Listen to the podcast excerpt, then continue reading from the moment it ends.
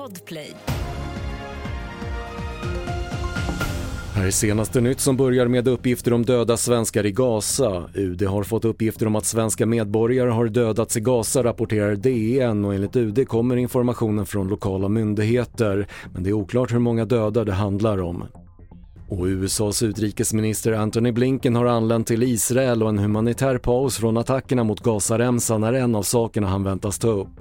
Hittills rapporteras över 9000 människor i Gaza ha dött i striderna och situationen beskrivs som allt mer desperat. Fartygsexperter som tagit del av Kustbevakningens utredning sågar besättningens förklaring till Marco Polos grundstötningar utanför Blekinge, rapporterar BLT. Besättningen har sagt att det berodde på att fartygets GPS var trasig men experterna menar att det finns brister i färjans framförande. Och strejken mot Tesla utvidgades idag och nu omfattas runt 500 personer på 17 verkstäder vilket innebär att det kan bli svårt att få Tesla-bilar reparerade eller servade.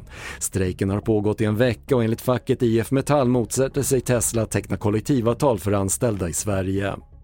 Fler nyheter finns på tv4.se. Jag heter Patrik Lindström.